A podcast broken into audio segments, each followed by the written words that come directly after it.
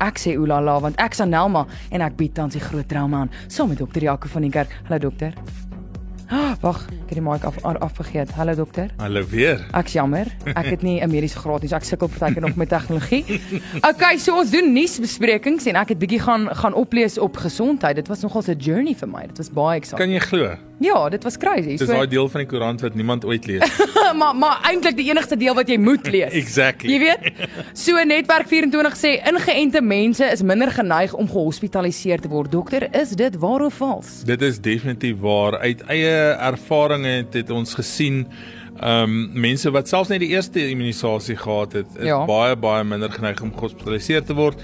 Meeste van hulle het nog steeds siek geword, maar die graad van siekte en die duur van siekte was net soveel minder. Mm. So aan die einde van die dag, dit het definitief 'n groot verskil gemaak en ons het bitter min mense gesien in ICU's en hoësorge en wat op ventilators geëindig het wat wel selfs net die helfte van die immunisasie al gehad het. Maar maak dit 'n verskil in terme van is dit nou het dit net 'n effek die inenting nou op op 'n intense siekte wat jou in die hospitaal het beland of jy weet basiese verkoue of 'n snotneus of so, maar gaan dit 'n verskil maak op daai klein siektes ook of is dit maar net die groot goed eintlik wat jou wat jou beskerm teen die hospitaal? Nee, ek dink dit maak definitief 'n groot verskil in alle in alle um siektes basies. Um jy weet as jy gaan dink aan gewone influenza, die ouer mense mm. wat um in die hospitaal eindig en ons kry elke jaar groot persentasie van hulle wat doodgaan.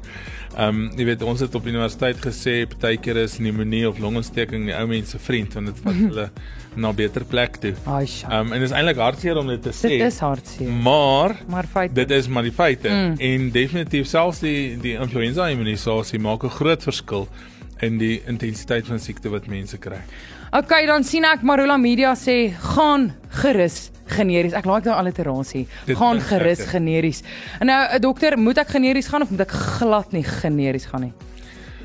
Nou maar dis 'n baie moeilike vraag want aan die een kant as mens eties gesproke kyk, uh -huh. dan dink ek nie ehm um, generies is regtig 'n goeie ding nie en ek gaan nou vir jou sê hoekom. As mens gaan kyk na die finansiële kant van die storie en ons bly in 'n derde wêreldland, in 'n ontwikkelende land en 'n arm land, dan is generies nodig. So ek dink aan die een kant ja, generies is nodig sodat medisyne meer bekostigbaar kan wees vir mm. vir, vir mense. Maar aan die ander kant dink ek inhibeer dit of onderdruk dit nuwe medisyne ontwikkeling. Mm. As jy vat, ehm um, jy kan enigiets tussen 100 en 200 miljoen dollar betaal om 'n middel op die mark te kry en patentregte op uit te neem. Jou medisyne patentreg is afhangend van hoeveel jy betaal het 10 tot 15 jaar. Daarna is die resepie kan ek amper sê beskikbaar vir almal. Hmm. En die generiese maatskappye haal nie daai oorspronklike bedrag uit om die medisyne op die mark te sit. Ah, okay. So jou etiese maatskappye doen al die werk voel dit vir my. Ja. Die navorsing, die stadium 1, 2, 3 en 4 um studies waaroor almal nou te kere gaan oor die immunisasie ook. Mm. En hulle betaal en finansier dit die hele tyd. Dis hulle wat met nuwe molekules um voor in dag kom. En uit die aard van die saak moet dit duurder wees want hulle moet daai geld eers terugkry wat Ja. uitgegee het.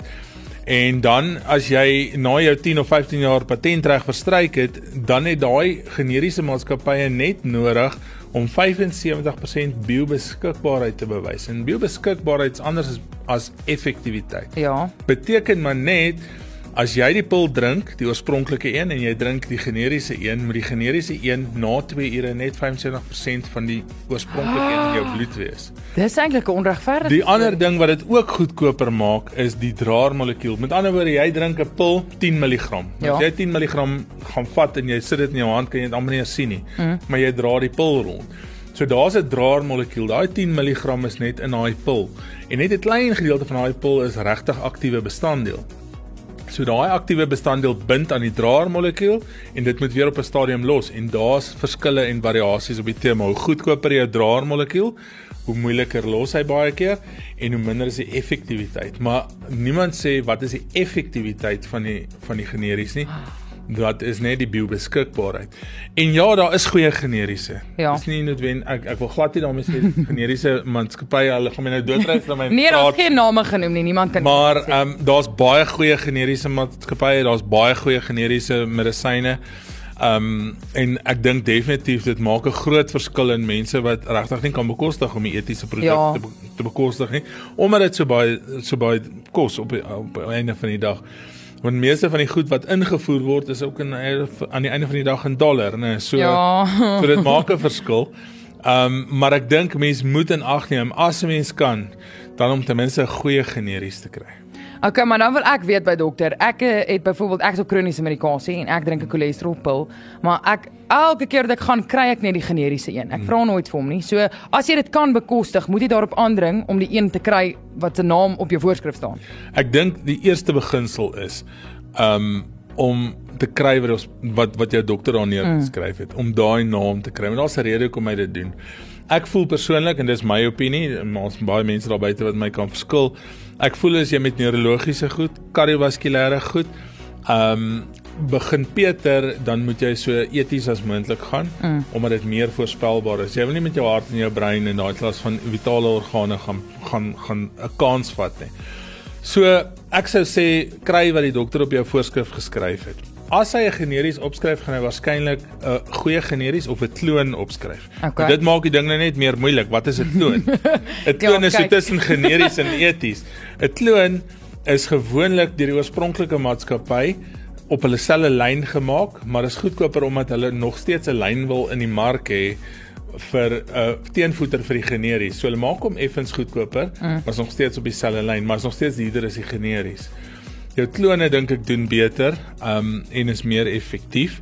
Maar ja, weer eens dit gaan maar baie keer oor finansies en nie mm. noodwendig oor wat is die beste vir mense nie. Wel, dan sal ek eerder sê in plaas van gaan gerus geneer, nee, generies, eerder gaan gerus eties. Gaan gerus Nee. eet. Gaan gerus Of eet. eties generies. Eties generies. Dis mooi. Gaan gerus e eties generies. Ag, Kan jy glo? dokter, jou taal vermoë. Nou, so gepraat van eties, nê. Nee, weet jy wat is nie eties nie? 'n Misdaad. So ek het nou nog 'n ek het nou nog 'n gas hier in die ateljee. En dis eintlik 'n groot verrassing. Ek weet nou nie of jy al gehoor het van Devil's Dorp nie. Dis Showmax se heel eerste oorspronklike ware misdaad dokumentêre reeks. En dit ondersoek die wrede sogenaamde appointment moorde wat die stad Kreersdorp tussen 2011 en 2016 aangegryp het. Nou Mariska Koetser was 'n joernalis by die Kreersdorp News toe sy in 2016 begin het om die Kreersdorp moorde te dek. En dit het haar op 'n pad van hartseer gevat waarvan sy 5 jaar later nog steeds herstel. En ek gesels vanaand in die ateljee met Mariska oor haar trauma. Hallo Mariska. Hallo julle. Baie welkom, lekker om jou hier te hê. Baie dankie julle almal. Ek's baie nervous. Nee, daar's geen rede om te wees nie. So kyk, hierdie Devil's Dorp ding het nou, hy het nou vlam gevat. Yes. Hy het nou ehm um, so te sê viral gegaan eintlik. En omdat almal nou al weet wat aangaan, wil ek graag, jy weet, ons gaan nou al 'n reeksie opdoen en ek wil graag agtergrond skep. So ek het nou die eerste episode gekyk en dit is ek was op die punt van my stoel. En jy het iets daar gesê toe jy nou begin praat het oor oor die oor die saak waar dit jou ingetrek het. Is jy het gesê, wat is die kans dat die storie letterlik in jou arms inhardloop? Want jy het vertel van die man wat in jou arms ingehardloop het toe Kevin McAlpine vermoor is en vir jou gesê het wie wie die man is wat vermoor is. En waarmee ek wil begin is die feit dat Kevin McAlpine is iemand wat in jou kring beweeg het. Nou kyk ons almal kyk baie crime shows, ons kyk TV, ons lees op social media, ons lees nuus elke dag, jy weet, basies elke dag se nuus is vol is vol van hierdie, jy weet, brutale misdaad. Nou wil ek weet in terme van, jy weet, mense wat gedesensitized is met hierdie misdaad om ons. Hierdie een, hy hit close to home want dis iemand wat in jou kring beweeg. So hoe deel jy met daai trauma? Wat 'n verskil, wat 'n verskil is daar in trauma as jy jy as joernalis, jy weet, jy jy deel nou met die goed op papier, maar toe deel jy nou daai dag in lewende lywe daarmee. Wel, um ek moet sê dit was nie maklik nie en is ietsie waaraan ek nou nog baie dink. Um jy's reg wat jy sê wanneer jy 'n joernalis is, word jy geleer, jy weet jy moenie te veel emosie in iets insit nie want jy gaan jouself nie dood kan huil. Jy weet oor elke slagoffer of wat ook al nie. So eintlik as 'n joernalis word jy so klein bietjie desensitized soos jy gesê het. Ja. Jy kyk deur 'n kamera se lens na die storie. So wat jy as jy daar deur kyk, sien jy 'n man, hy's elderly, jong man, um dit lyk of hy doodgesteek is of wat ook al, jy weet. En jy raak in sulke resep van 'n storie skryf dat jy weet jy amper hoef nie meer agterkom erg dit is nie. Mm. En dit is hoe dit vir my begin raak. het. Jy weet ek het so baie misdaad geskryf. Ja. Dit het eintlik nie my saak gemaak nie. En die een aand toe ek na Kevin McAlpine se um toneel toe geroep was. Mm. Dit was die eerste keer in my lewe wat ek weer mens gevoel het. In die feit, ek weet in die sin van toe wil ek daar staan. Ehm um, jy weet, jy sien om jou dis 'n misdaad toneel. Mm. Jy sien die mense wat kyk en dan sien jy die slagoffer se familie weet wat op en afloop. Jy weet en dan weet jy, wow, jy weet hierdie ou gaan nou crack. Mm. En dis daai oomblik wat die ou op jou afloop, jy weet en ek het in my boek ook so geskryf. dis nie elke dag wat die storie in jou arms en hardloop nie. Ja. Jy weet en in jy weet hier kom 'n man af en hy sê Mariska, Mariska, dankie tog jy's hier. Jy weet en dis 11 uur die aand, so jy het nie 'n idee, jy kan eintlik nie eers sien nie. Jy's self nog deur die slaap. Mm. En soos wat die man aanhou vir my verduidelik, jy weet dis Kevin in die boot. Jy weet hy lê daar, hy lê daar. Nou kyk jy om jou maar jy dink ook vir jouself nou weet wie daar alles Kevin, ek het nou net opgestaan. Ja. Ek ek weet nie eens wie jy is. Ja. En die oomblik toe hy sy vrou se naam sê. Jy weet hy sê, "Wat gaan Joanet daaroor sê?" Toe voel dit vir my, jy weet daai expression van 'n brick walls coming down on you? Ja. Soos dit. Mm. Jy weet daar's geen onnigterin. 'n Glas wat shatter. Ja, jy kan nie vir iemand verduidelik nie want op daai oomblik besef jy maar dis nie net 'n ja. storie nie, jy Ja. weet. En ek weet stories is almal waar, maar ek bedoel, jy word so geleer om 'n storie te vertel, maar op daai oomblik dan kom jy agter maar hoorie, dis 'n regte mens. Mm. En dis 'n regte moord en hy's deur iemand doodgemaak. En as jy die mense ken, dan voel jy baie baie meer vulnerable want mm. Hoe het hierdie misdadiger by iemand uitgekom wat jy ken? Ja. Jy weet gewoonlik hoor jy daarvan op die nuus of jy lees dit in die koerante. En ek dink wat dit ook die verskil maak is is dat wanneer jy die storie skryf, dan water jy hom af. Ja, Jy jy weet, sien dis ja. Jy weet so met ander woorde die lesers en mense wat luister kry gewoonlik die afgewaterde deel. Ja. Waar ons as joernaliste, jy weet, jy's die een wat nie net op die toneel is nie, maar jy luister na al, al hierdie gory detail. Ja. So jy weet Kevin McAlpine se moord het regtig um jy weet baie dinge vir my oopgemaak. Ek wou amper sê dit het baie wonde vir my oopgemaak. Ja. Ek het nooit gedink my hart kan so breek. Jy weet oor misdaad nie en dit in my eie dorp. Ja. Nou ek gesels met Mariska Koetser nou nou verder hieroor want ehm um, jy weet hierdie trauma waarvan sy praat wat 'n wat 'n nuwe level eintlik vir haar bereik het van van op die papier na 'n lewende lywe het definitief baie verskillende ehm um, angs related jy weet neeweffekte sal ek sê. So ek gaan nou nou 'n bietjie verder met haar gesels en dan hoor ons by dokter Jaco van die kerk wat hy te sê het oor angs. Nou ek self tans met Mariska Koetser in die ateljee saam met dokter Jaco. Uh en uh, sy was in 2016 die joernalis wat die Kreersdorp moorde gedek het en ek gesels met haar oor trauma vanaand en die trauma wat sy ervaar het van die dag wat dit begin het tot en met jy weet die pause die post traumatic trauma post. Wow, Anama.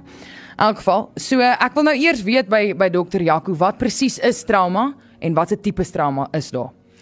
En nou maar trauma is mense die woord trauma gebruik, dan dink almal is die trauma wat ek doen, die die guts and the glory en die, die bloed en die bene wat uitsteek. Die Grey's. Anatomy. Dis wel.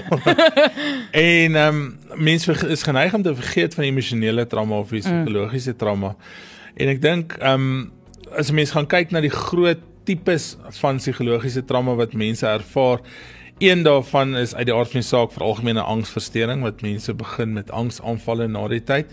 En dis een van die groot redes hoekom mense terugkom trauma eenhede toe. Um, want dit voel vir hulle hulle gaan 'n hartaanval kry en die een voel of hulle beroerte gaan kry as hulle dooie mm. gevoel om die mond of in die hande of in die arms trek. So dis dis een van die algemeenste goed wat ons sien in 'n trauma eenheid is mense met erge angsaanvalle. Mm. Uit die aard van die saak posttraumatiese stresversteuring as mens dan in kontak gekom het met iets wat vir jou regtig emosioneel traumaties was. Ehm um, wat ons ook gereeld in ongevalle sien want dis waar die selfmoordpogings en ehm um, ook ge- geassosieer met angs vandaan kom en dan jou gewone major depressie wat daar uitsprei. Mm. Ek dink baie mense wat deur 'n traumatiese ervaring is, gaan ook deur al die fases van rou.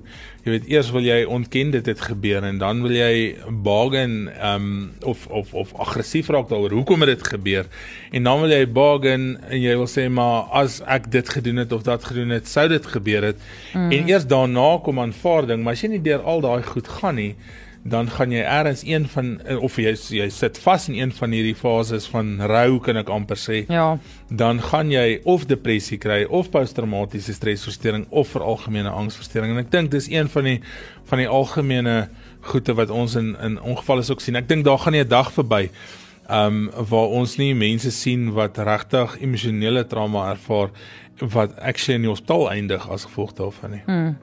Nou daai daai angs waarvan waarvan dokter nou praat Mariska jy het vir my gesê jy weet die angs is definitief iets wat jy nou besef het jy het. I mean ek het byvoorbeeld nou in die dokumentêr het ek iets wat my by wat wat my nogals geraak het wat jy gesê het is jy was op skool toe jy gehoor het van die samurai moorde en ehm um, jy het ook gesê die trauma counselor van Michaela Valentine se moord het jou vertel weer daar was letterlik bloed oral. Daar was bloed op die dak selfs. So hoe hoe hanteer jy daai vrees wat wat daai daai atmosfeer van jou werk skep? Hoe hanteer jy daai vrees wat natuurlik ook angs kan word? Wat wel Ek moet sê ek het nie ek het eers onlangs, jy weet, begin agterkom dat ek sukkel met angs. Mm. Jy weet, ehm um, toe ons gaan terug na 2016 toe toe ek die moorde ondersoek het. Op daardie stadium is jy so honger vir nuus en inligting. Jy kom nie agter, jy weet al hierdie gruwelike goeders wat jy in jou brein toelaat nie soos dit jy weet met die trauma counselor. Sy het mm. vir my vertel byvoorbeeld dat dit het gelyk of die mense die mes stadig in en uitgetrek het ja. en die, die bloedspatsels het so opgetrek. En sy het byvoorbeeld sê daar was bloed teen die ceiling en bloed teen die kaste en so aan. Jy weet en dit is ook nie die enigste um trauma in die saak waarmee ek byvoorbeeld gedeel het. Mm. Op 'n stadium het ons die foto's gesien van die um van die moorde En een van die moorde was die Meyer se moorde waar jy weet hulle was ook verskriklik aangeval met messe. Ja. En op daai stadium kom jy nie agter waarna jy kyk nie. Want jy is so agter die storie aan, jy is mm. so obsessed met die storie. Maar waar ek gesien het my angs begin het is jy's met Devil's Door wat almal nou so kyk. Ja. Jy weet, al ken ek die storie so goed, al was ek op Kevin se se toneel, al was ek in soveel van daai hofverrigtinge. Toe ek daai eerste episode kyk, toe dit asof dit van voor af gebeur. Ja.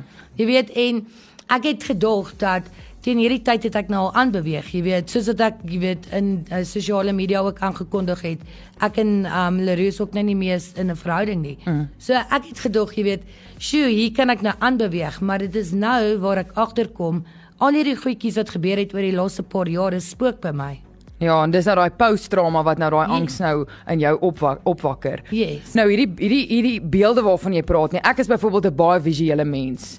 So ek voel as ek so iets sal sien wat jy weet, soos ek vroeër gesê het, close to home het. Ek kyk nie net, jy weet, The Mentalist op Netflix of CSI Miami waar ek weet dis 'n klomp akteurs nie. Dis dis iets wat regtig gebeur. Dis realiteit. Jy sien hierdie fotos. So hoe beskerm jy jouself teen daai beeld dat hy nie vrees in jou hart, jy weet, skep nie waar jy vrou alleen by die huis net wil in die bad lê en relax en jy weet hierdie goed pop op dit is definitief iets wat angs jy weet definitief gaan opwakker so hoe beskerm jy jouself teen daai beelde wat wat jou loopbaan vir jou gewys het ek moet vir sê ek dink my angs kom in ander forme deur ja. jy weet um ek is lankal nie meer bang vir die monsters in die nag nie en ek mm -hmm. dink is omdat mens gedesensitiseer ja. word jy weet so in my kop weet ek ja dit kan met enige persoon gebeur maar ek lewe nie so nie maar my angs kom in ander forme deur. So byvoorbeeld, dit sal kom as 'n klein irritasie of wat ook al. Ja. En as jy 3 dae later kom en ek val in die put van angs in, sal jy agterkom ek huil oor goeters wat 2 jaar terug gebeur het, ja. of 3 jaar terug. Triggers. So, so triggers, triggers ja. Yes. So ek het nooit um regtig soos nou was ek nooit bang nie, maar ook terug destyds toe die moorde gebeur het. Ek kan onthou na die eerste afspraakmoorde of die eerste 3.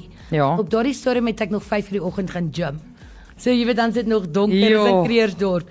Nou die een oggend ry ek gym toe en die maan is so groot en hy's so geel.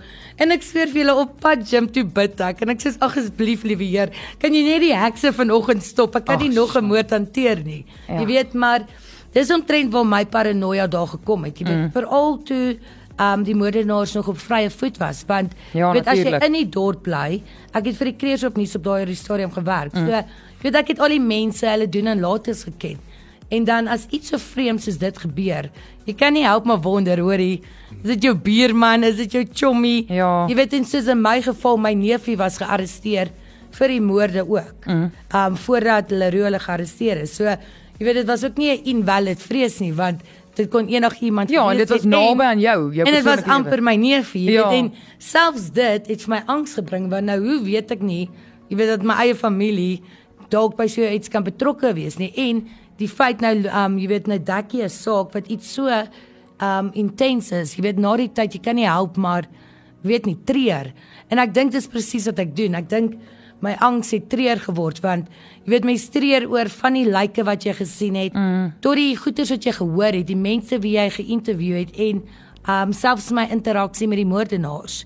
Jy weet jy sit terug En Dis asof jy registreer wat gebeur het in daai Ja. tyd. Jy kyk na daai dokumentêr en ek het na die dokumentêr gekyk en toe dog ek vir myself, maar Mariska dog jy's klooi mee. Mm. Jy weet maar En die wonde is nou weer oopgekrap. ja, maar ook die ding is ek wil amper al sê die mense dink die storie is klaar, maar ek het nuwe vrae.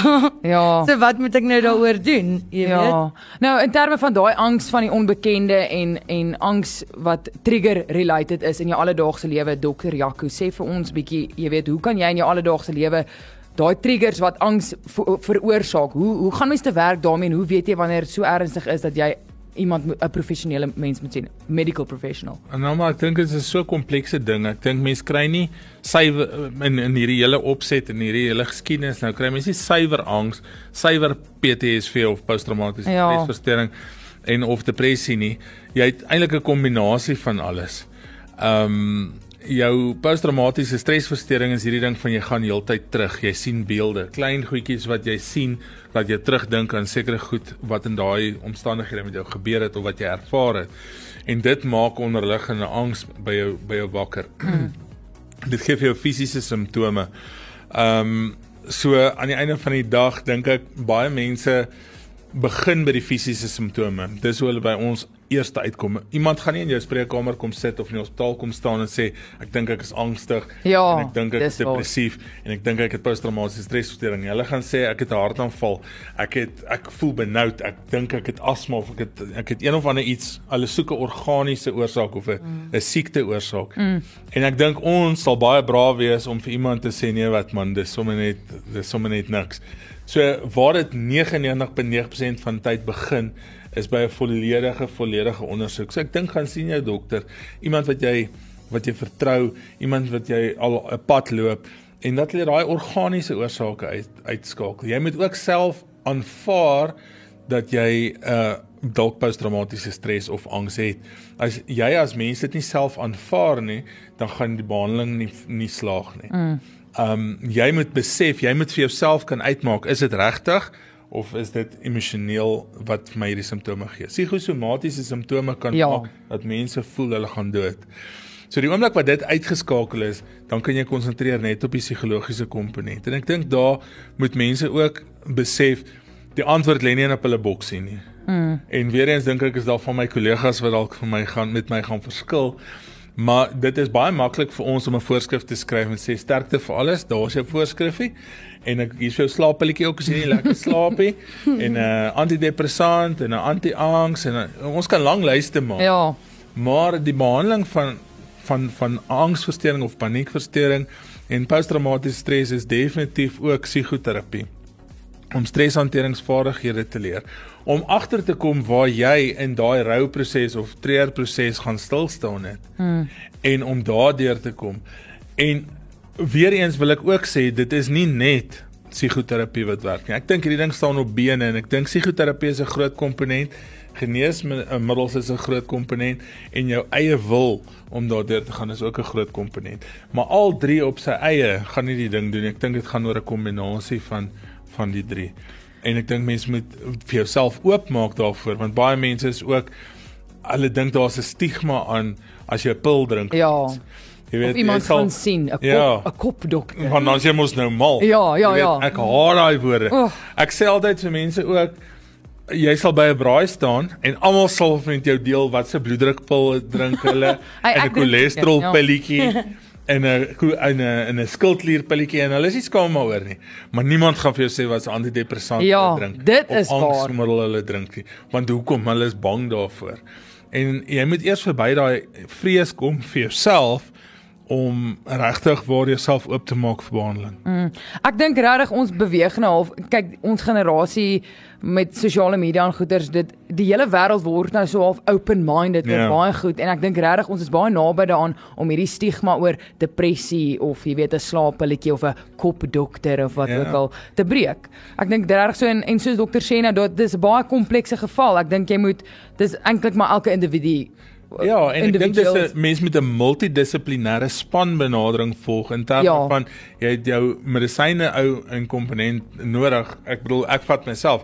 Ek is nie goed met psigiatriese goed nie. Mm. Ek is meer prakties in terme van as jy jou been gebreek het kom sien my maar my, my, my kom huil daaroor.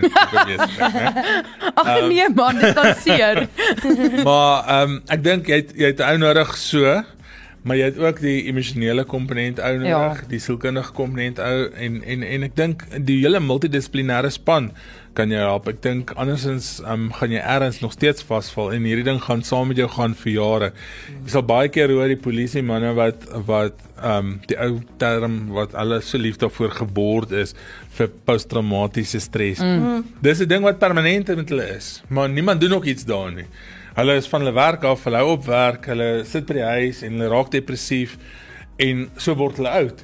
Maar ehm um, hoekom hoekom doen iemand nie niks daaraan nie? En ek dink regtig mense moet 'n groot dryf daartoe hê om daai multidissiplinêre span betrokke te kry en dan gaan mense dalk baie min mense hê wat regtig nodig het om van hulle werk af weg te bly daarvan. Maar dit maak eintlik sin as dokter sê jy moet multidissiplinêr, jy weet, die hele ding um aanvat want as jy daaraan dink is is dit wat wat jy, jy mee sukkel jou trauma jou angs is eintlik multidissiplinêr in jou lewe Ja. veroorsaak Ja. dis nie een ding wat gebeur het en nou moet jy pilletjie vir daai een ding drink nie Ja. so jy weet jy moet al daai dokters saamkry al daai al daai professionele mense saamkry om elke liewe aspek daarvan aan te elkeen spreek moet kyk na sy ding. As jy as jy 'n psigiater gaan vra hoe maak hulle 'n diagnose, dan sê hulle vir jou daar's 'n 5 as diagnose stelsel. Mm. En ons almal het dit geleer op universiteit, maar dit wys jou net hoe kompleks is 'n psigiatriese diagnose of 'n sielkundige diagnose. Die woord psigiatrie verwys ook vir baie mense na malgheid, né? Mm, maar dit is kopdokter. Ja. maar hoe hoe kompleks is 'n sielkundige of psigiatriese diagnose is mm. dat dit op vyf vlakke een ding kan word. Ehm um, en en dis baie meer algemeen as wat ons as wat ons dink. Toe ek geswat het, het ons al gepraat van 3 uit 5 mense is is depressief. Ehm um, hulle weet dit nie noodwendig nie of hulle weet dit mm. maar hulle wil dit nie aanvaar nie. So as jy in 'n winkelsentrum rondloop, moet jy eintlik dink dat 3 uit elke 5 mense wat jy sien, ehm um, moet eintlik op antidepressant wees. Mm. Is dit dan nog steeds so 'n ding, so taboe om oor te praat? As die meerderheid mense eintlik daaroor moet Dis juist hoekom die stigma gebreek moet word want ho- hoekom is daar nie 'n stigma oor Vitamiene C nie? Almal drink Presies. dit. Ja. Presies dit. Jy kan die Vitamiene, oh, daai ou drink Vitamiene C. Ja. Net nie dit. Net nie Vitamiene C nie. Hoorie bly waar jy is. Ons gesels later verder met Dr. Jaco saam met Mariska Koetser in die ateljee. Ek wil net herinner, uh, onthou van vra Dr. Jaco as jy 'n vraag het, WhatsApp my by 0616104576. Onthou standaard data tariewe geld. Ja, selfs tydens die groot trauma. Ek het dit nou vandag geleer omdat ek instaan vir Pieter Kloete. Maar op die tema van Dr. Jaco, Dr. Jaco, jy het nou 'n minuut vir 'n mediese mite. Sy.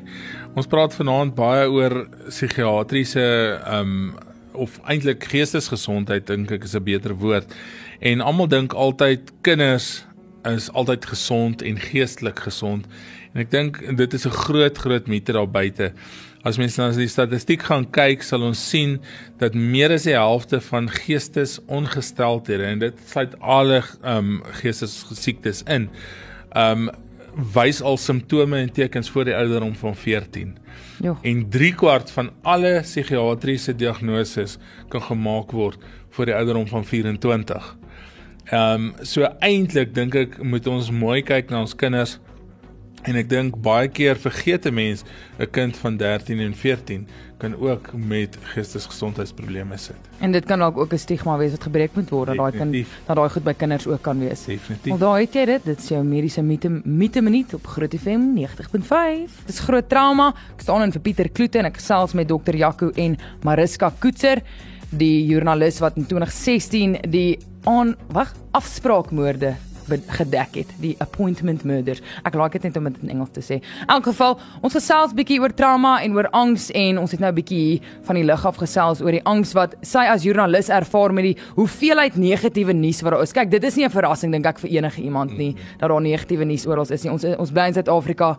As jy wakker word en jy en jy maak jou foon oop, sien jy dit op al jou apps, dan ry jy dan sien jy dit op al die pale, kom jy by die werk en dan praat almal daaroor. So ek wil by jou as joernalis wat deel met hierdie negatiewe nuus, een wat dit self geskryf het, hoe hanteer jy daai negatiewe energie wat dit in jou lewe en in jou alledaagse lewe veroorsaak? Wel, um dit kom nie maklik nie. Jy sien, Mm. um die ding is mens kom ook nie jy, jy kom nie dadelik agter wat jou plan nie. Byvoorbeeld, eendag kan ek in 'n riot en hardloop en ek het die beste tyd van my lewe terwyl mense my met klippe gooi.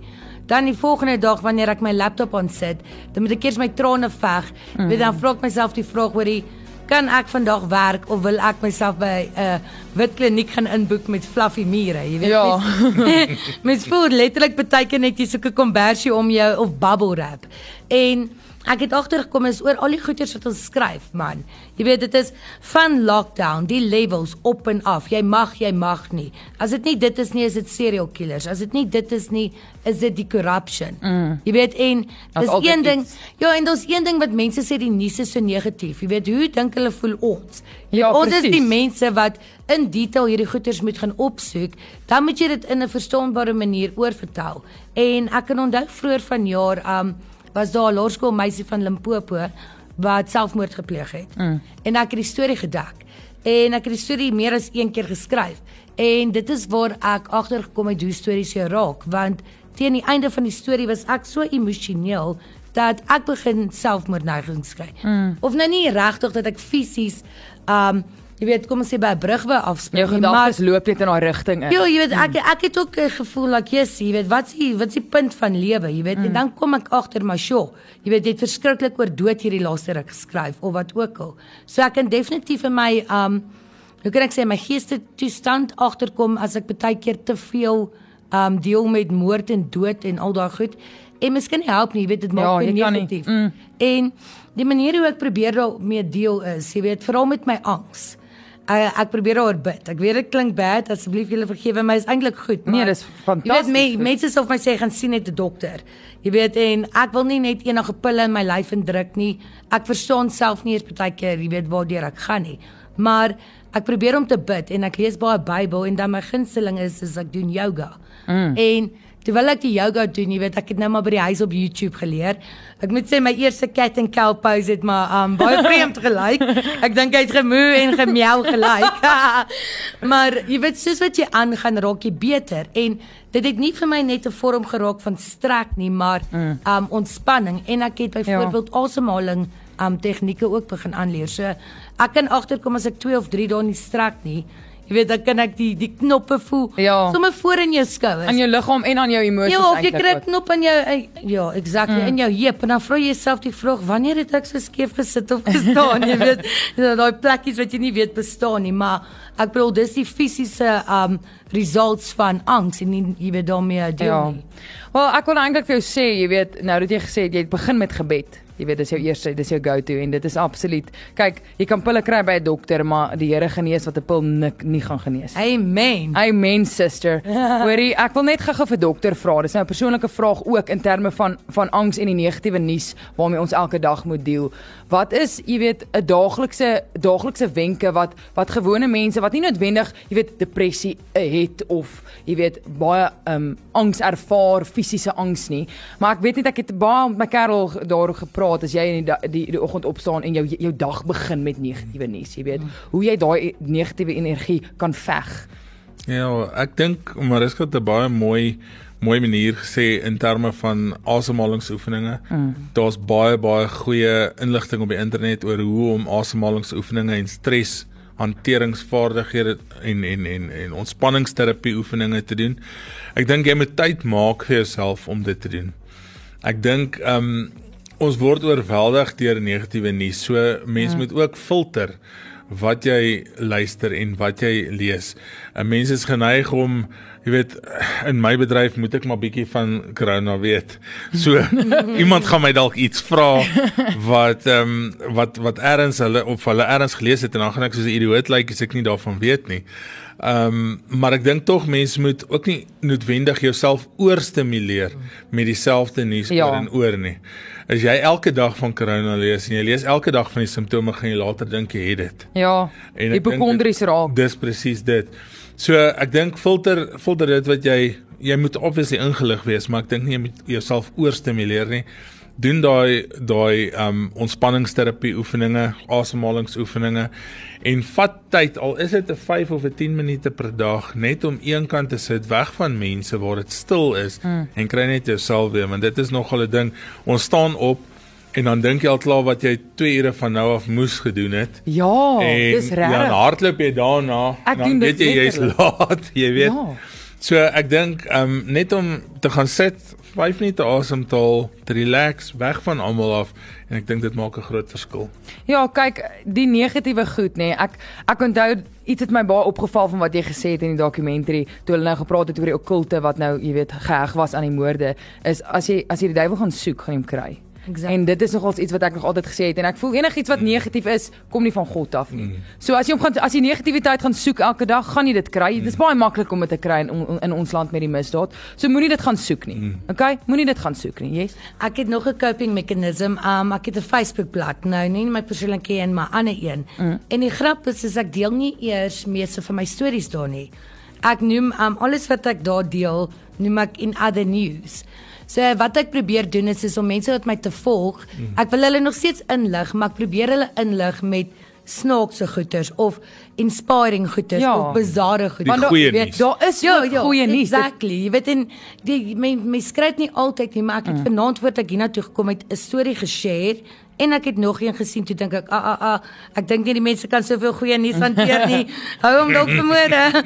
maar vir son so dis ook 'n manier hoe ek Ja. probeer om my rol te gebruik as 'n joernalis, maar ook om vir mense iets anders te wys van ons almal volg so skape, jy weet deur die rat race en dan sit ons almal hier so met depressie en mm. angs en jy weet en dit is eintlik onnodig. Mm. Nee, absoluut. Nou luister, jy, vir jou wat luister, daar gaan nog meer van Mariska Koetser volgende week wees. Mariska, ooh, baie dankie vir jou tyd. Baie dankie dat jy ingekom het. Dankie julle. Ons gaan volgende week verder gesels met Mariska Koetser oor haar trauma en bietjie bietjie bietjie. Dieper. Ek ek gaan net aan met die geluid want die woord het so ge, gemorf dat ek net ek moes net geluide maak as iets tog. Dalk het ek nou 'n angsaanval gekry. Hoor jy nie? In elk geval. Ai. So ons gaan volgende week verder met Mariska gesels bietjie dieper in delf in in die dokumentêr en jy weet die, die besonderhede daar daar agter dit en jy weet die verhoudings en daai tipe goed. So volgende week gaan ons verder daar gesels. So skakel volgende week in. So hooplik is Pieter terug. Maar dalk's ekkie, jy weet nooit. So bly ingeskakel. Dalk is jy en Pieterie. En dalk's ek en Pieter hier saam met Mariska en nie? dokter Jaco natuurlik. So ja, bly ingeskakel dan kom ek speel vir jou eers gou weer 'n bietjie musiek en dan bly waar jy is vir vra dokter Jaco. En voordat die gro groot trauma afsluit, is dit nou natuurlik tyd vir vra dokter Jaco. Ek het 'n vraagie hier vir die dokter van Annelies. Sy vra, ek wil net asseblief by dokter hoor, is dit erg om eers 'n angsaanval te kry en daarna epileptiese aanval? My dokter het vir my gesê dis die ergste wat 'n mens kan kry, want ek kry 'n 2 in 1 aanval. Ja, nou maar dis nogal 'n ding. Ehm um, mense kry verskillende tipes epilepsie en van die tipes epilepsie wat jy kry kan getrigger word deur angs en stres. Ja. So nou kry jy jou angs simptome en jou angsaanval simptome en dan begin jy met jou prodroom 'n 'n epileptiese aanval gebeur, gebeur in drie fases. Jy het 'n prodroom wat so begin of 'n aura wat begin, hulle weet hulle gaan dit kry, dan kry hulle hom. Dis die tweede fase en dan die derde fase is jou postdiktale fase waar hulle deel heeltemal gedisoriënteerd en en en de mekaar is. Weet nie eens waar hulle is nie. So jy kan nou net by jouself dink as jy begin met 'n angsaanval, jy verloor jou bewussyn en as jy wakker word, weet jy nie mooi waar jy is nie. Dink ek is dit waarskynlik een van die slegste gevoel uh, wat 'n mens kan kry en ek dink ehm um, dis regtig so, dis dis regtig sleg om om so 'n aanval in kombinasie met mekaar Ja, want dit is dan soos hy sê 'n 2 in 1 aanval. definitief. Nou my vraag vir vra dokter Jaco, aangesien ek nou die geleentheid het om 'n om 'n vraag vir dokter Jaco te vra omdat ek nou instaan, hoe weet jy 'n moesie moesie daar gewees het nie? Hoe hoe weet jy jy moet dokter toe gaan vir jou moesie? Hoe weet jy los hom net uit? Ek dink 'n baie maklike manier om dit te onthou is die gewone ABC van velletseltjies. So as ons gaan kyk na velletsel, die A staan vir asimetrie. Okay. So as links en regs vir jou nie dieselfde lyk nie, as jy enige plek 'n lyn deur hom trek, dan is dit 'n rede vir uit. O, gret. B staan vir border of randjie. As jy 'n moesie sien, het hy 'n baie mooi randjie. Dis normale vel, duidelike rand en dan is dit moesie. As hy so begin inblende in die vel, yes. dan haal jy hom uit. C staan vir color. Nou almal dink melanome altyd as jy praat van donker moesies. Ja. En eintlik die slegste melanome is spierwit. Akral intigenese melanome onder die voete spierwit. Wow. So dit is nie net verdonkering van 'n moesie nie. Enige kleurverandering, het sy donkerder, ligter en verskillende kleure in een moesie is 'n indikasie vir uithaal. Die D is vir dikte of diepte en dit is as jy hom begin voel. Ons het baie vel letsel, velvlekkies en en kom ons noem dit maar nie 'n sproet nie, wat sommige mense dit maar noem, maar 'n musie wat jy nooit voel nie. En ergens langs Dis 'n die pad beauty spot. Dis 'n beauty 'n beauty spot. Ja, okay. en en jy voel hom nooit, maar die oomblik wat jy hom begin voel, beteken dit hy word of dikker of dieper. Want dan irriteer hy jou sensasies in 'n weekie in die vel en hy moet obviously dieper word. En 'n ding wat groter word, haal jy uit. So as mense die ABCD onthou, dan uh en jy sien so letsel, dan dink ek is dit 'n goeie rede om hom van ons laat raak. Ja, maar daai het jy dit. Baie dankie dokter. Dankie baie. Hoor hierso so vra vra dokter Jaco het nou het nou basically vir jou gesê as jy wonder of 'n moesie nie daar moes gewees het nie. Volg net jou alfabet. Okay. Nou tyd vir my om jou te groet op jou groot FM in Pretoria. Skakel môre weer in saam met my van 7 tot 9. Dit was so lekker om saam met jou te kuier tydens die groot trauma vir alsaam dokter Jaco en skakel môre uh, nie môre nie volgende week weer in vir nog nuus oor die Devilsdorp dokumentêr saam met Mariska. Lekker aand verder vir jou sê asseblief vir jou broer dat die vasvra kompetisie toe gewen het. Ek het uitgevind 'n ander uit Google gebruik. Jy's 'n eister, ek se naam Meyering en ek is nie bang vir slange nie. Okay, bye. Groot FM 90.5